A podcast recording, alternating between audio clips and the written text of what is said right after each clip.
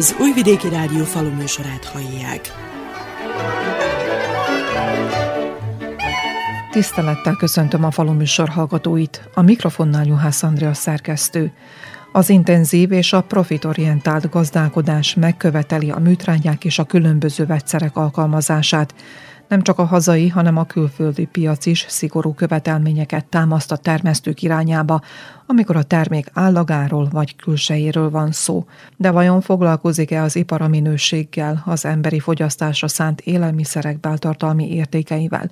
Vitatárgyát képezheti a kérdés, de az üzletláncok polcaira folyamatosan felkerülő átdolgozott és becsomagolt élelmek alig ha tartalmazzák mindazokat a fontos tápelemeket, amelyek az egészséges emberi szervezet számára fontosak lennének. Sok tanítás elérhető azzal kapcsolatban, hogy a természet törvényei és íratlan szabályai szerint kellene megalapozni a növénytermesztést és az állattartást, de a modern korban nagy területeken ez szinte kivitelezhetetlen. A társadalom egy rétegénél megtörtént a szemléletváltás, és az egészséges élelmiszerfogyasztás mellett döntött. Az ő igényüket pedig a tanúsítványjal rendelkező organikus módon termelő gazdálkodók igyekeznek kielégíteni. Számukra nem könnyű a feladat, hiszen végtelen a sora azoknak az előírásoknak és szabályoknak, amelyeknek meg kell felelniük, illetve évről évre bizonyítaniuk az eredetiséget, az organikus gazdálkodási módot.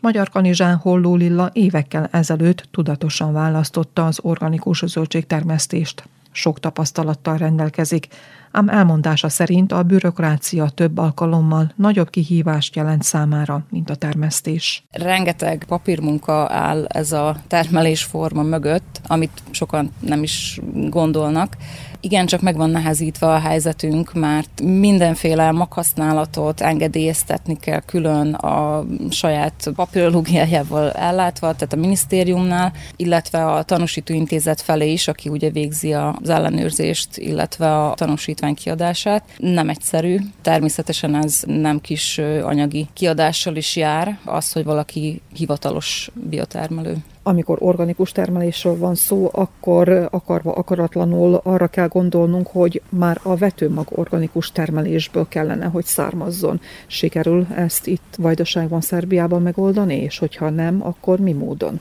Szerbiában sajnos ez egy hatalmas nehezítő tényező, hogy nincs organikus vetőmag, tehát ami organikus tanúsítványal rendelkezik. Ezért a minisztérium engedélyezi, hogy konvencionális magokat használjunk, ami nincs csávázva, és akkor ezt természetesen ugye hivatalos módon le kell papírozni. Ez nagyban megnehezíti a, az egész termelést, rengeteg adminisztráció van. Nem kis időbe kerül, mire az ember utána jár, hogy honnan is tud ilyen magot beszerezni, és, és a különböző papírokat hozzá elég vontatott ez a folyamat. Minden évben ugyanarról a helyről kell beszerezni a vetőmagvakat? fontos, hogy a, a, ezeknek a kritériumoknak megfeleljen akármelyik helyről vásárolt mag. Ne legyen csávázott, ne legyen gémódosított, uh, stb. Mi az oka annak, hogy itt Szerbiában, vagy akár még Vajdaságban is nem foglalkoznak organikus vetőmagtermesztéssel? Talán a biotermesztők alacsony száma, vagy a relatív alacsony termőterület? Biztos, hogy a biotermesztők száma is befolyásolja ezt. Nem sokan foglalkoznak ezzel a termelési móddal, de gyanítom, hogy ez mögött is inkább ez a rengeteg adminisztráció és a nem kevés kiadás jár, mert az, hogy egy vetőmag megkapjon egy ilyen tanúsítványt, annak bizony komoly anyagi vonzata is van és valójában ez tükröződik a végtermék árában is, hiszen a vásárlók ugye, amikor vásárolnának a konvencionálisan és a biotermelésből származó termékek közötti árkülönbséget azért észreveszik. Igen, ez is nagyban közbejátszik abban, hogy magasabb a biotermékek ára, mert tényleg rengeteg ilyen plusz kiadás és munka van ezzel. Nem csak fizikai, hanem az administratív részét is illeti. Önt mi motiválja arra, vagy mi motiválta egy évtizeddel ezelőtt arra, hogy biokertész legyen? sose fordult meg a fejembe, hogy én mérgekkel és műtrágyákkal dolgozzak. Én nekem mindig ez volt az elképzelésem, hogy kizárólag természetes úton termeljem meg a növényeket. Mennyire volt nehéz beletanulni, beleszokni a biogazdálkodásba? Kellett hozzá jó pár év, hogy kitapasztaljuk, mert hiába ilyen mezőgazdasági irányú iskolát végeztem, de hát ott csak és kizárólag a vegyszerekről és a műtrágyákról hallottunk, és a biotermelésről egy szó se esett, tehát mindent komoly utánajárással és tapasztalat által kellett kialakítani. Mindig van mit tanulni, mindig lehet mivel kísérletezni, amit ugye az állam engedélyez, már hogy ez is egy olyan dolog, hogy nem lehet akármit használni, csak ami hivatalosan bejegyzett termék a biogazdálkodók számára félretéve a papírmunkát és az adminisztrációt, a bürokráciát magában a termelésben, melyek voltak azok az akadályok, melyek voltak azok a nehézségek, amelyeket tényleg le kellett küzdeni, és amelyeket ma már úgy könnyűszerivel alkalmazza a gazdálkodásban. Ki kellett tapasztalni, ugye, hogy a különböző kártevők ellen hogy tudjuk azt a növényt megvédeni, vagy a kórokozók ellen hatalmas probléma ugye a biogazdálkodásban, főleg első években. Ki kell alakítani egy változatos, gazdag ökoszisztémát. A biodiverzitás nagyon fontos, mert egyik a, a másik növényt meg tudja védeni, meg hogyha elhagyjuk a, a vegyszer használatot, hát egy-két évig lehet, hogy lesz problémánk akár tevőkkel nagyobb számban, aztán pedig, hogyha hagyjuk betelepülni a hasznos rovarokat, ők ezt a munkát elvégzik helyettünk tulajdonképpen, nálunk is nagy mértékben sikerült felszaporítani az engőlegyeket, a ragadozó poloskákat, a katicabogár, az imádkozó sáska néven ismert rovart, vannak békáink, sündisznó, tehát nagyon-nagyon bő az állatvilág is most már. Ők nagyon szépen kordába tudják tartani a kártevőket, nem azt mondom, hogy abszolút nincs, de hát így van rendjén, mert ha a hasznos rovarnak ugye nincs mit enni, akkor el is megy a területről, de olyan szinten tartják őket, hogy, hogy anyagi kárt nem tudnak okozni maga a növénytársítás mennyiben segít a különböző betegségek, kórokozók leküzdésében? segít, amit a leginkább ismernek ugye az emberek, az a répa és hagyma társítása, bár nem feltétlen a gombás betegségek miatt, hanem inkább a répa és a hagyma légy tekintetében. Vegyesen szoktuk mi is ültetni a, a növényeket, mert védik egymást. Paradicsom sorokba is szoktunk bazsalikomot tenni, elvileg ugye az ízvilágra is van hatása, vagy például az uborkasorba borsikafüvet tenni, lehet őket így variálni. Úgy mondják, hogy megtermelni talán nem is annyira nehéz. Inkább az értékesítés az jelentette, jelenti a nagyobb kihívást? Igen, az is egy nem kis kihívás.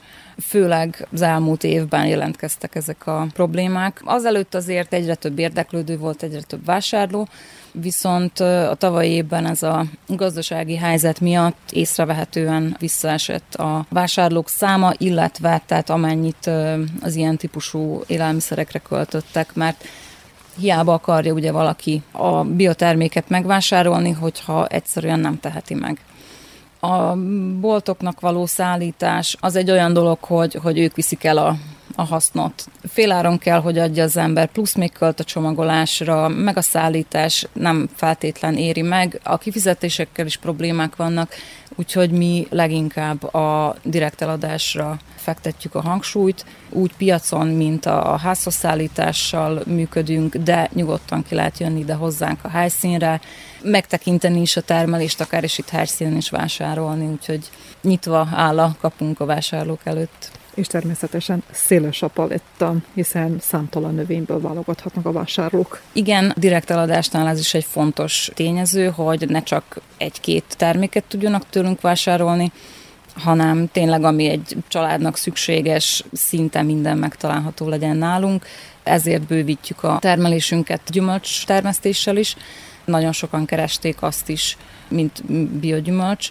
Mondjuk akinek kisgyereke születik, ugye fontos, hogy ne az agyonpármetezett gyümölcsöt kapja, vagy zöldséget, és igyekszünk minél szélesebb körben ellátni a, a vásárlóinkat, akár mondjuk feldolgozott termékekkel is. A feldolgozás mikor villant be ötletként? Pár évvel ezelőtt, és, és akkor elkezdtük ugye a paradicsomlé formájában, azt mind a mai napig csináljuk, mert van rá igény Tavaly év során folytak kísérletezések különböző ilyen szószok tekintetében, illetve a savanyítási vonalon. Most ezzel szeretnénk majd bővíteni a kínálatot a feldolgozott termékek vonalán. Az imént említett sok nehézség és háttérmunka és hatalmas kiadások ellenére van-e kihez fordulni némi segítségért, akár marketingügyben, akár értékesítésügyben, akár támogatásügyben? Kanizsa községbeli biotermelők ápoljuk a kapcsolatot egymással, és, és azt gondolom, hogy tudunk egymáshoz fordulni tanácsért, akár termelés ügyileg, akár a piac tekintetében. Ami az anyagi támogatást illeti, szerencsére a, a község minden évben ír ki pályázatot biotermelők részére a tanúsítvány díjának a, a visszapályázására. Úgyhogy ez, ez mondjuk egy hatalmas segítség.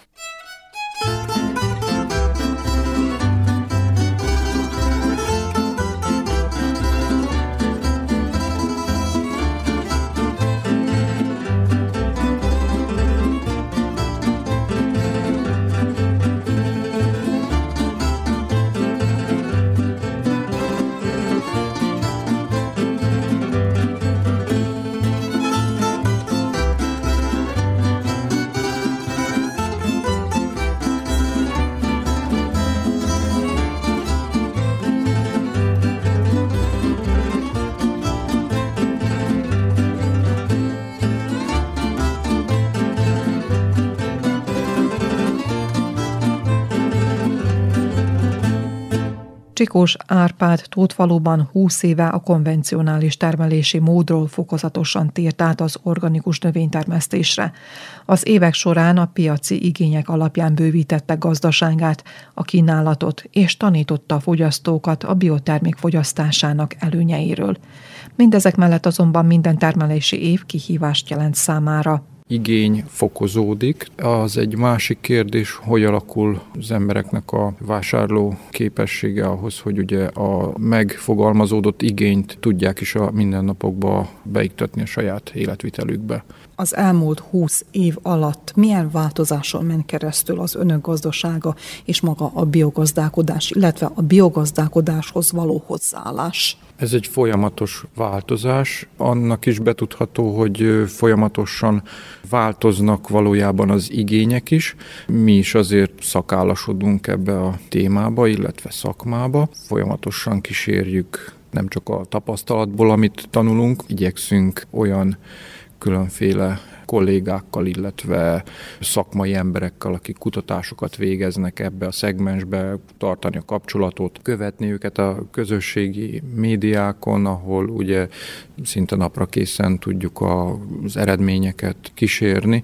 Így próbáljuk mindig a saját termelési formánkat is alakítani, mert gyakorlatilag ez folyamatosan változik, és egyre ilyen úgynevezett reduktívabb termelési formába próbálunk átmenni, hogy minél kevésbé legyen gazdaságunk függő az inputtól, illetve egyéb más külső tényezőktől. Honnan indultak 2004-ben, és hol vannak most? Egy konvencionális gazdaságnak kezdtük el a folyamatos átalakítását, úgy, mint termelési formát, vegyszermentes termelésre, és úgy, mint kultúrstruktúrát, gabonából és a néhány alapvető zöldség kultúrából átvezettük ugye a vegyszermentesre és a főleg zöldség túlsúlyos termelési formára a gazdaságot bár a beszélgetés elején említette, hogy a kollégák és a fogyasztók egyre jobban érdeklődnek, egyre többen érdeklődnek a vegyszermentes biológiai módszerrel előállított termékek iránt, mégis maga a társadalom, vagy az ország, az illetékesek, az Agrárminisztérium, a mezőgazdasági tárca milyen szemmel tekint a biogazdálkodókra? Van-e egyáltalán állami segítsége a felzárkózáshoz? A biokertésznek? Állami támogatás, vagyis úgynevezett terület alapú támogatás az van, ami hozzávetőlegesen azt hiszem most már olyan 30 ezer dinár per hektár éves szinten.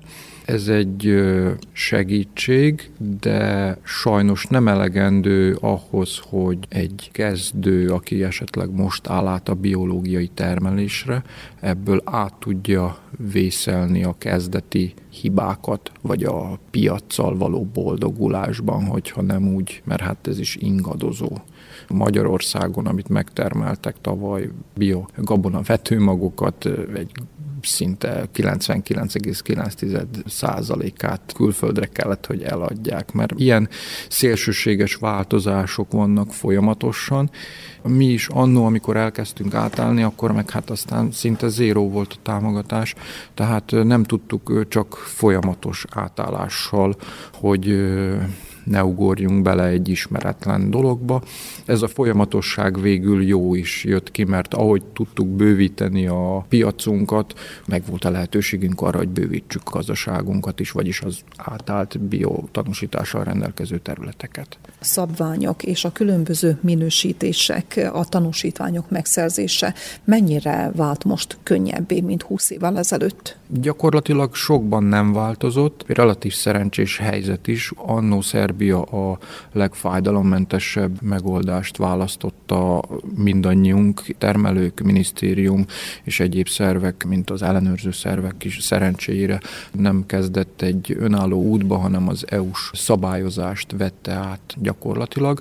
Történnek ilyen apróbb utánaigazítások, amik végül is semmilyen alapvetően nem változik a dolog. Igazából ezek csak az uniónak voltak ilyen kérései, hogy még egy kicsit finomítsanak rajta gyakorlatilag egyszerű és ugyanúgy zajlik nálunk is, mint bármelyik európai, megmerem kockáztatni, vagy mint bármelyik országban a világon, mert ezek egy nagyon hasonló technikával működnek ezek az ellenőrzések, illetve tanúsítások. 20 év után Csikós Árpádnak vannak-e tervei, bővítési tervei, esetleg olyan akadályok, amelyeket meg szeretne lépni?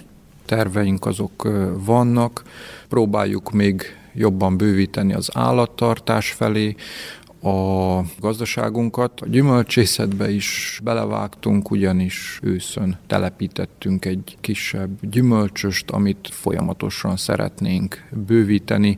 Ez is része lenne annak a reduktív termelési módnak, illetve hozzáállásnak, mint ahogy a az állatoknak a szabadon tartása is, ami fele fordultunk, illetve haladunk. Música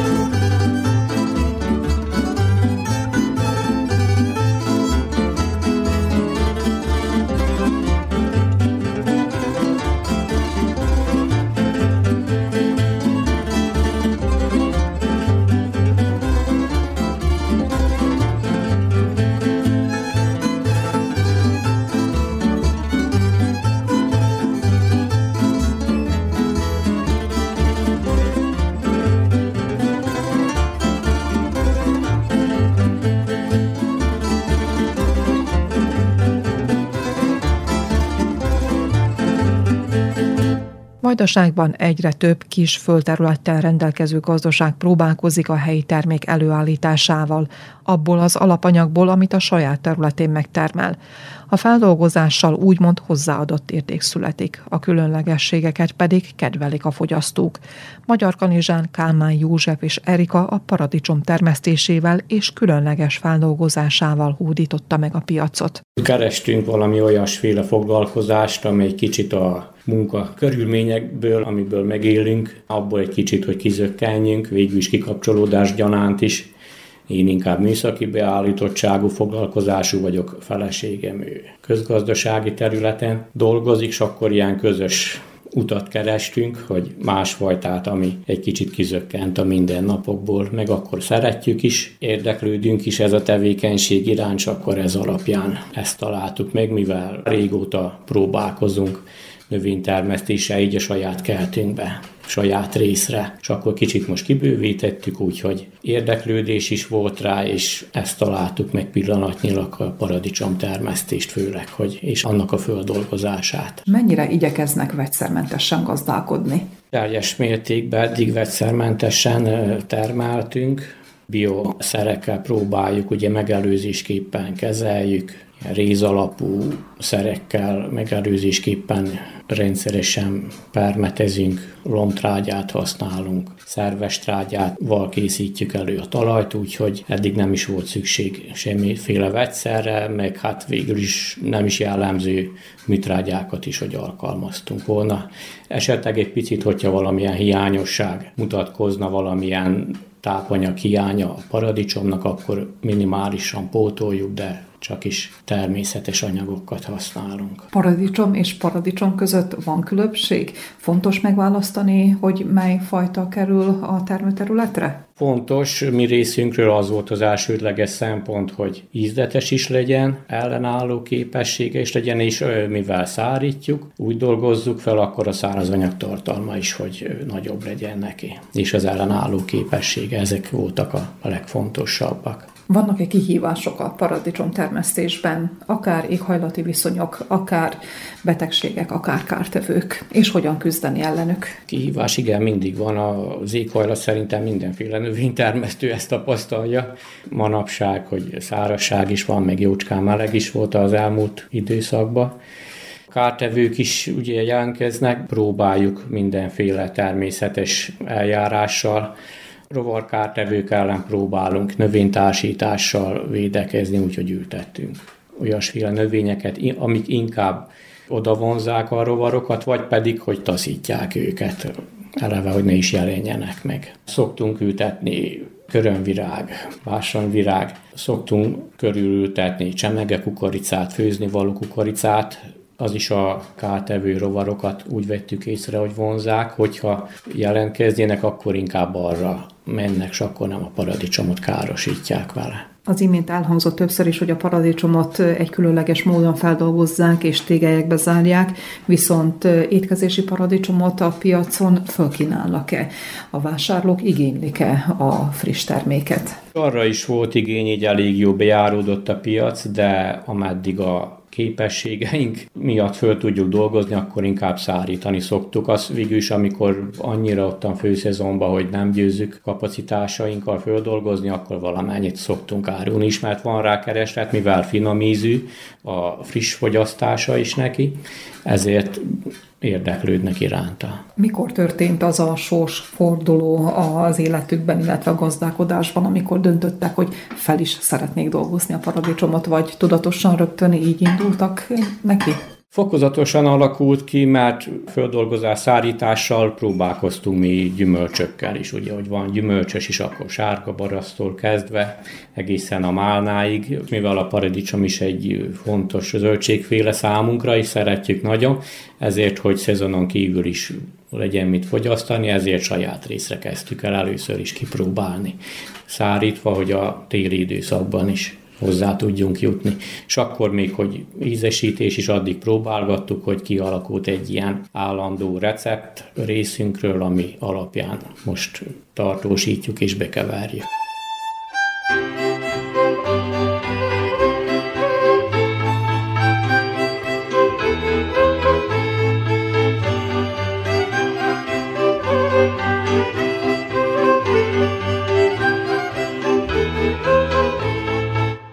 Erikával folytatom a beszélgetést akkor, hogy valójában hogy is történik a feldolgozás. A modernkori gasztronómia esetleg egy lendületet vagy ötletet adott arra, hogy a paradicsomot kis tégelyekbe zárják és úgy értekesítsék?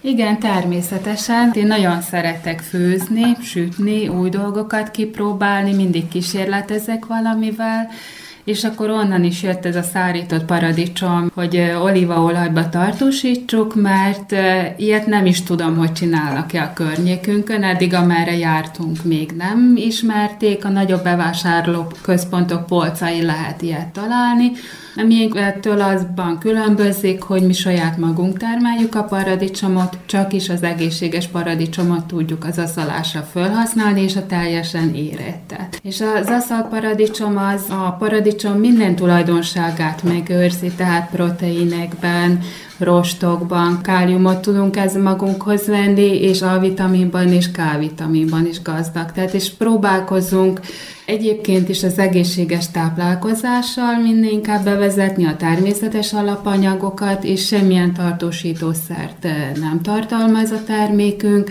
A fűszereket is próbáljuk mi magunk megtermelni, tehát a bazsalikomot és az origánót is szintén ebbe a kertünkben termesztjük, beszárítjuk, és akkor azt használjuk a fűszerezésre, valamint a rozmaringot is. Kísérletezgettünk az ízesítésekkel, több fajtát készítettük, próbáltuk próbáltuk mi magunk, a családtagjainkon, barátainkon teszteltük ezeket a termékeket, és végül maradtunk ennél a fajtánál. Szép és nagyon nagy örömet okoz, mikor elkészül, és olyan tényleg annyira mutatós. Az olívaolaj is kihozza a paradicsomnak a frissességét, és ezt az élénk piros színét, megőrzi benne a fűszereket, és nagyon sok mindenre használható az az aszalt paradicsom. Tehát a legegyszerűbb módja, hogyha valami gyorsan szeretnénk valami nagyon különlegeset és nagyon finomat, akkor csak pirítós kenyérre egy kis feta sajtot, vagy csak a paradicsomot rátesszük, metélőhagymával megszórjuk de lehet szószokat készíteni, pestókat, valamint tésztaételekhez adni, salátához adni, pizza feltéthez adni, vagy pedig kalácsok töltelékébe kenyeret is lehet vele készíteni, úgyhogy nagyon sokrétű a felhasználása neki. Igazi helyi házi termék, hol megtalálni a piacot az értékesítésre, egyáltalán mennyire fogadják el az ilyen különleges termékeket a fogyasztók.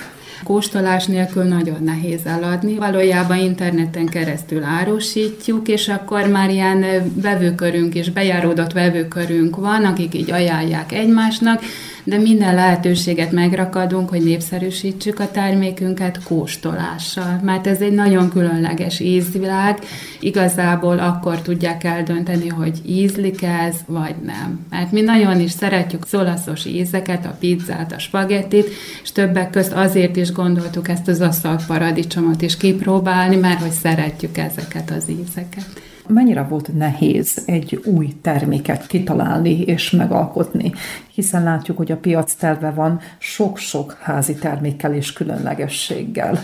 Valamit szerettünk volna, azt megvalósítottuk, és ezt valljuk, hogyha valamit az ember úgy lelkesedéssel csinál, és szereti csinálni, akkor az előbb-utóbb sikerül is. Lendületet megkapták. Van-e tervesetleg bővíteni a kertet, a termékpalettát?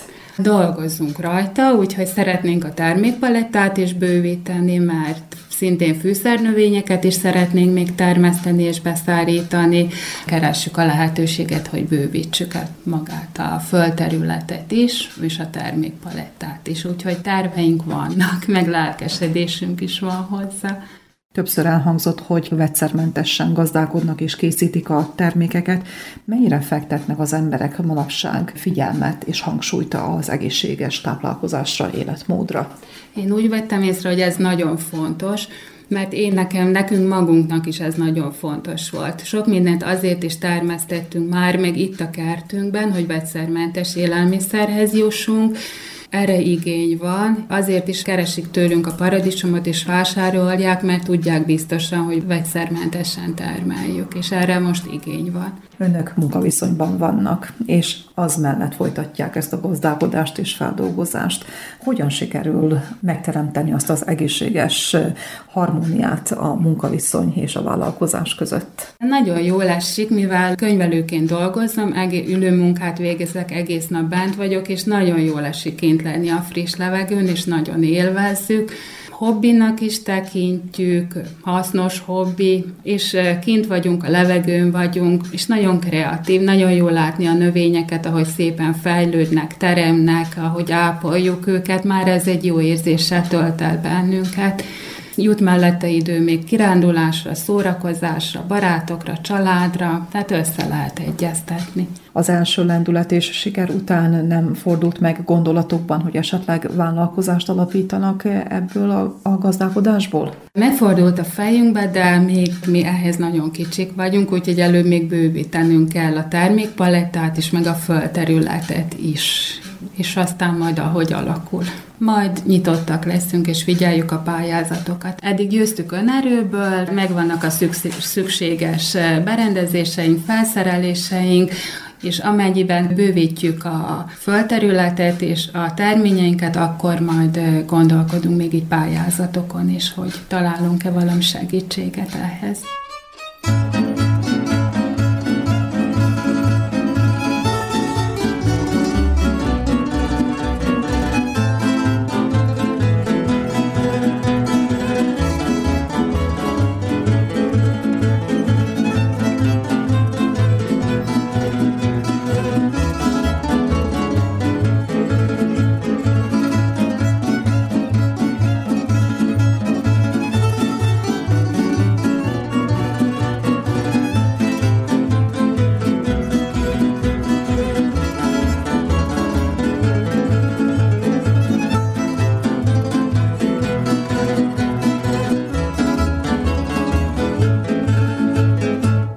Tanúsítványjal rendelkező biogazdálkodóknak minden értelemben magasabb összegű támogatásra van szükségük, mint a hagyományos, konvencionális módon gazdálkodóknak.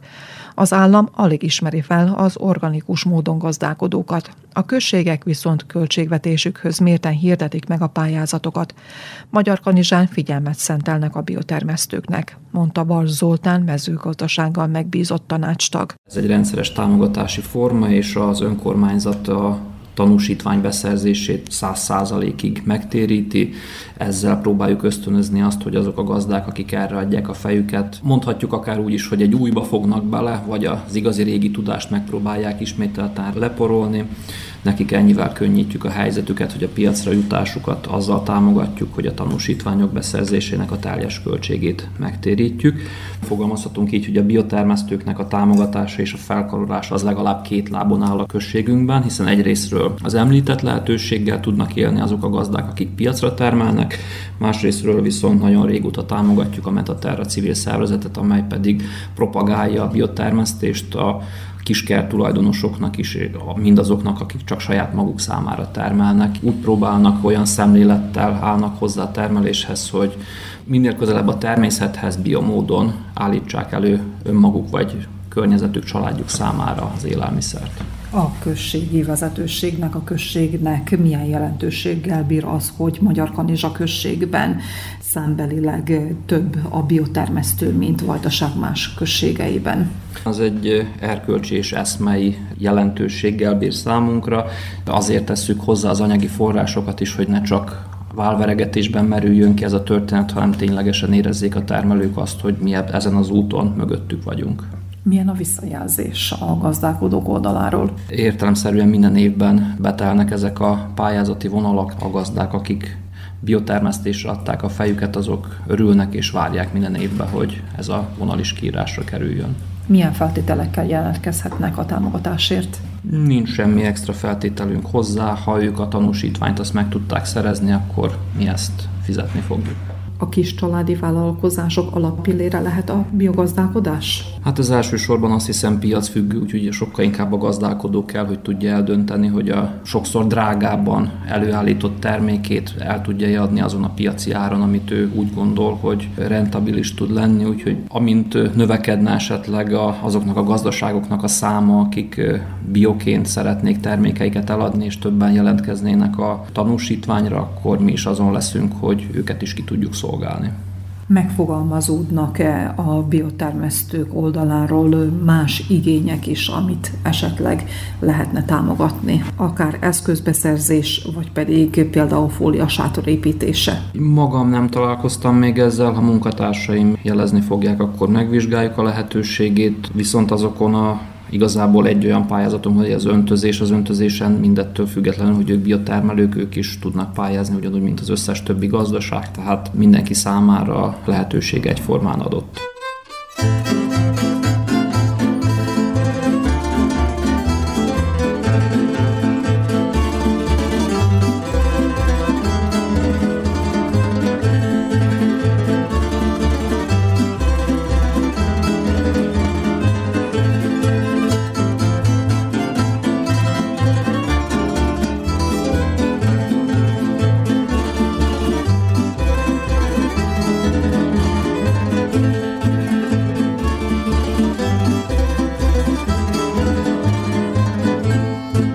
Az élelmiszertermelés alapjait főleg faluhelyen kiskorban kell elkezdeni, hiszen nincs olyan kertes ház, ahol ne lenne legalább egy zsebkendőnyi terület ahhoz, hogy a család számára legszükségesebb és legigénytelenebb zöldségeket ne lehessen megtermelni.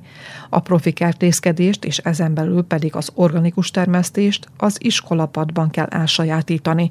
A Magyar Kanizsai Beszédes József mezőgazdasági és műszaki szakközépiskolában növénytársítási kertet alakítottak ki abból a célból, hogy az érdeklődő diákok minél több ismeretet szerezzenek a biogazdálkodás elveiről. A kertet és Óti Beáta szaktanár vezeti, és közben oktat is. Az iskolánk mezőgazdasági technikumán másodikban és harmadikban van választható tantárgy, amit előszeretettel választanak a diákok pont azért, mert nem csak elméleti oktatás van, hanem 24 óra gyakorlati oktatással fejeződik ez a történet, ahol mindenféle praktikákat tanulunk az organikus termesztéssel kapcsolatban. Másodikban organikus zöldségtermesztésünk van, és harmadikban pedig organikus gyümölcs és szőlőtermesztésünk van. Párhuzamot tudnak vonni egy intenzív, szuperintenzív termesztési technológia, mert ugye hajtatással is foglalkozunk, szabadföldi intenzív termesztéssel is foglalkozunk, és ez mellett párhuzamosan van egy organikus kertünk is, ahol a, a hangsúly a biodiverzitáson van tehát a sokféleségen, minél több fajta kerüljön be egy zöldséges kertbe, aminek két oka is van. Az egyik ok az, hogy tanulók megtanulják azokat a növényeket, amit már szinte el is felejtettünk.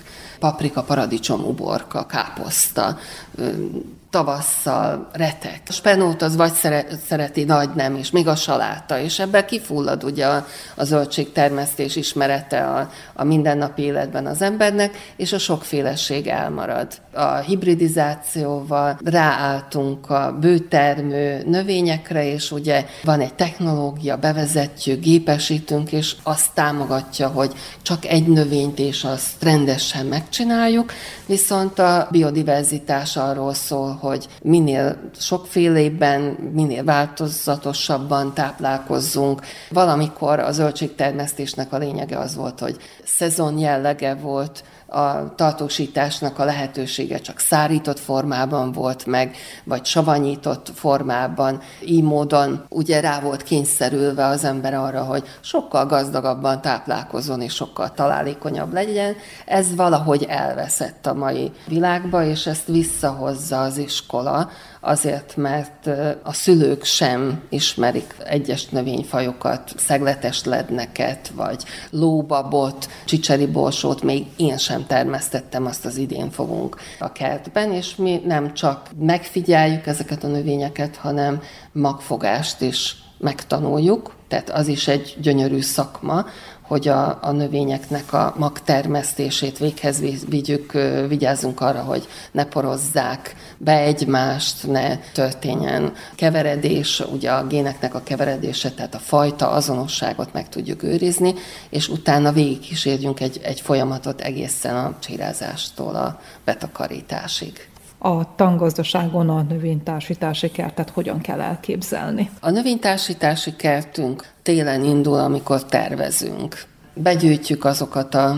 információkat, mivel rendelkezünk, milyen magokkal, mit sikerült magbőrzén szerezni.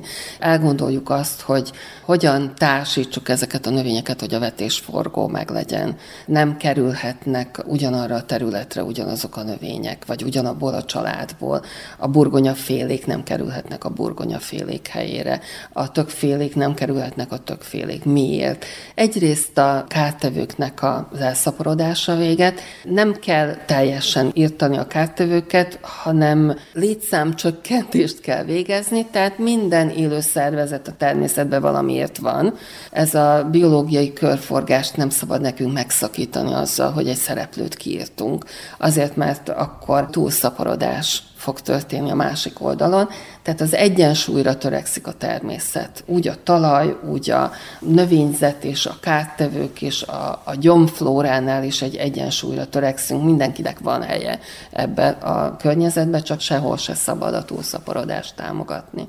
Ebben a programban szerepet kapnak-e esetleg az őshonos fajták? Természetesen, hisz a tájfajták azok sokkal ellenállóbbak voltak. Ugye a génbankból, mikor kikerülnek, akkor nem találkoztak azokkal a környezeti tényezőkkel és azokkal a károsítókkal, amikkel most birkózunk meg. Ezért a genetikájukban hordoznak bizonyos ellenálló képességet de nem olyan termőképesek. Van a veresti uborka például, amit elvetünk májusban, és, és szeptemberig ott van, és nem tizedeli meg a betegség. Nem terem olyan sokat, és akkor szoktuk kiszedni a szárát, amikor már ráununk az uborkára, és már eltettünk, amit el akartunk, és már nincs kedvünk friss fogyasztásra se alkalmazni, akkor felszedjük. Tehát ennyivel nagyobb előnyel bírnak azok a tájfajták, amelyek fajták, tehát nem csak az az előnye, hogy ellenálló, hanem az is, hogy magfogást tudunk végezni, és saját vetőmagunkat begyűjthetjük, kiválasztjuk a legszebb növényeinket, a legfajta azonosabbat, begyűjtjük a magukat, télen tudunk magcserével foglalkozni, és, és fertőzni a környezetünket, hogy ők is zöldségek termesztésével foglalkozzanak, és egy állandó körforgás van tulajdonképpen.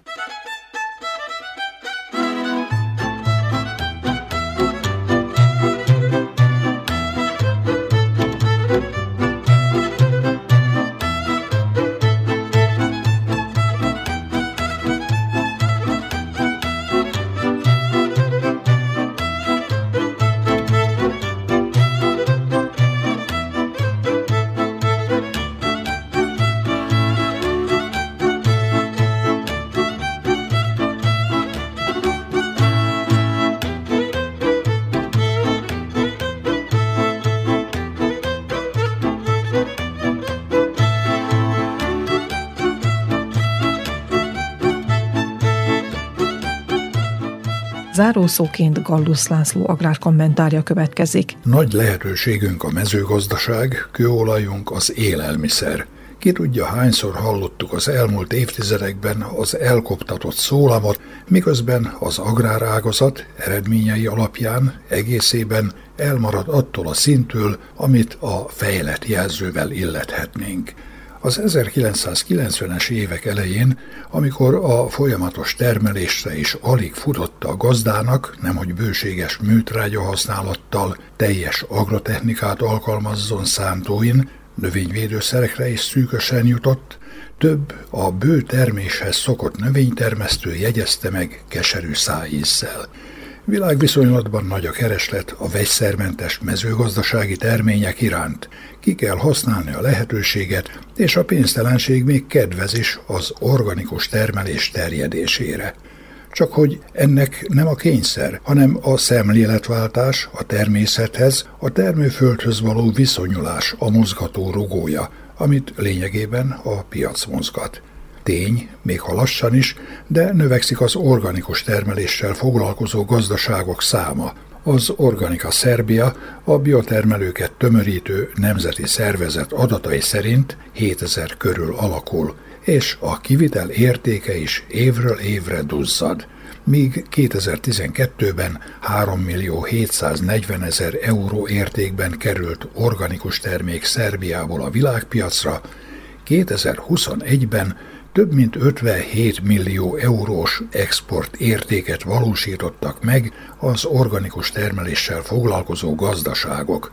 Tekintélyes növekedés a biotermelésre bejegyzett, szerénynek mondható 23 ezer hektár körüli termőterület alapján, és az sem mellékes, hogy a szerbiai mezőgazdasági termények és élelmiszeripari termékek 5 milliárd eurós kiviteli értékének több mint egy százalékát organikus termékek, zöldségnövények, gyümölcs, gabona képezik. A konvencionális növénytermesztéssel foglalkozók ismételten tréfás komolysággal jegyzik meg, hogy a műtrágya és a növényvédőszerek drágulása nem érinti az organikus gazdálkodás követőit, hiszen szántóikon gyümölcsöseikben nem alkalmazzák a szintetikus szereket, legfeljebb korlátozott szinten a réz és kén alapúakat. A gyomírtás is mechanikus módszerrel történik. Ettől függetlenül az organikus termelés csöppet sem olcsó ágazata a mezőgazdaságnak, hiszen több kézi munkaerőt igényel. A terméshozamok elmaradnak a konvencionális termelésben jegyezhető eredményektől. Ezeket a hátrányokat azonban a magas biológiai értékű szermaradványokat nem tartalmazó termény ellensúlyozhatja. Természetesen magasabb áron keresztül, amihez azonban nagy felvevő képességű, fizetőképes piac szükségeltetik. Erre azonban tájainkon legalábbis még várni kell. A mezőgazdaság valamennyi ágazatában, de szűkítsük csak a növénytermesztésre, két irányzat vált uralkodóvá. A termesztés technológia és az agrotechnika maradéktalan alkalmazásával, beleértve a növényvédőszerek és műtrágyák gyakran túlzott használatát, minél többet kisajtolni a termőföldből és az adott haszonnövény termés potenciáljából, illetve a talajéletre figyelve műtrágyák és növényvédőszerek mellőzésével, bár szerényebb terméshozammal, szermaradványokat nem tartalmazó, magas biológiai értékű gabonát, zöldségnövényt, gyümölcsöt biztosítani a piacra. Az Eurostat adatai szerint az Európai Unióban több mint 15 millió hektáron az össztermőterület 8,5%-án folytatnak ökológiai termelést, és a szabályozás egyre több növényvédőszer hatóanyag tiltólistára helyezésével az ilyen termőterületek növelését irányozza elő, és az a cél, hogy 2030-ra minden negyedik hektáron vegyszermentes termelést alapozzanak meg, ami a termőterület 15-18 százalékát jelenti. Noha fokozódik az érdeklődés a biotermesztés iránt, Szerbia nem tartozik az európai ökogazdálkodás élvonalába, amit a számadatok is megerősítenek miközben Ausztriában a termőföldek 25%-án folytatnak vegyszermentes termelést, Svédországban ez az arány 20, Franciaországban pedig 17 százalék, nálunk alig haladja meg a 0,6 százalékot, de bátorító lehet, hogy míg 2020-ban 20.971 hektár volt organikus termesztésre bejegyezve, ez a terület 2022-ben 23.527 hektárra növekedett. Az adatok szerint ennek a területnek valamivel több mint 38%-a vajdaságban található, és megfigyelhető, hogy alig akad több tíz hektáros ökogazdaság. Hol, hogyan kezdődik az organikus termelés? Vetődik fel a kérdés, és nyomban adódik a felelet. Ahhoz, hogy egy-egy gazdaságot növényvédőszerek és műtrágyák nélküli termelésre jegyezzenek be, a kijelölt parcellának négy éves, úgynevezett átállási időn kell átesnie, miközben az adott területen a termesztési ciklusokban nem használnak sem műtrágyát, sem növényvédőszert. Az organikus termelés, a majdani szemléletváltás azonban nem nagy területeken, hanem, mint több biotermelő is megerősítette, a háztáiban, a kiskertben kezdődik, ahonnan naponta kerülhet friss zöldségnövény, esetleg gyümölcs a család asztalára, és ebből fejlődhet ki akár a feldolgozással kísért vállalkozás, mint ami erre számos példát találunk Vajdaságban. És ha az a kérdés merül fel, hogy vajon az organikus vagy a konvencionális termelés jelentheti-e mezőgazdaságunk jövőjét, az egyedüli elfogadható válasz önmagában egyik sem, ellenben a kettő jól megfér egymás mellett, és ha a nagyobb gazdaságok a teljesen gépesített konvencionális termelésben találnak számítást, a kis területen gazdálkodók fennmaradásához az organikus termelés járulhat hozzá legkifejezettebben. És még valami. A piac kiszámíthatatlansága miatt érdemi támogatás nélkül hosszantávon egyik termelési modell sem lehet életképes.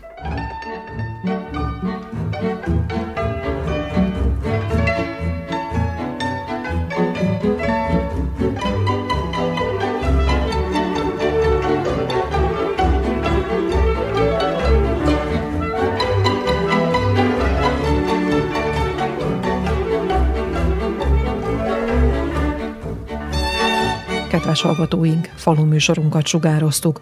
A munkatársak és Damian Sas hangfelvevő nevében is elköszön önöktől a szerkesztő Juhász Andrea.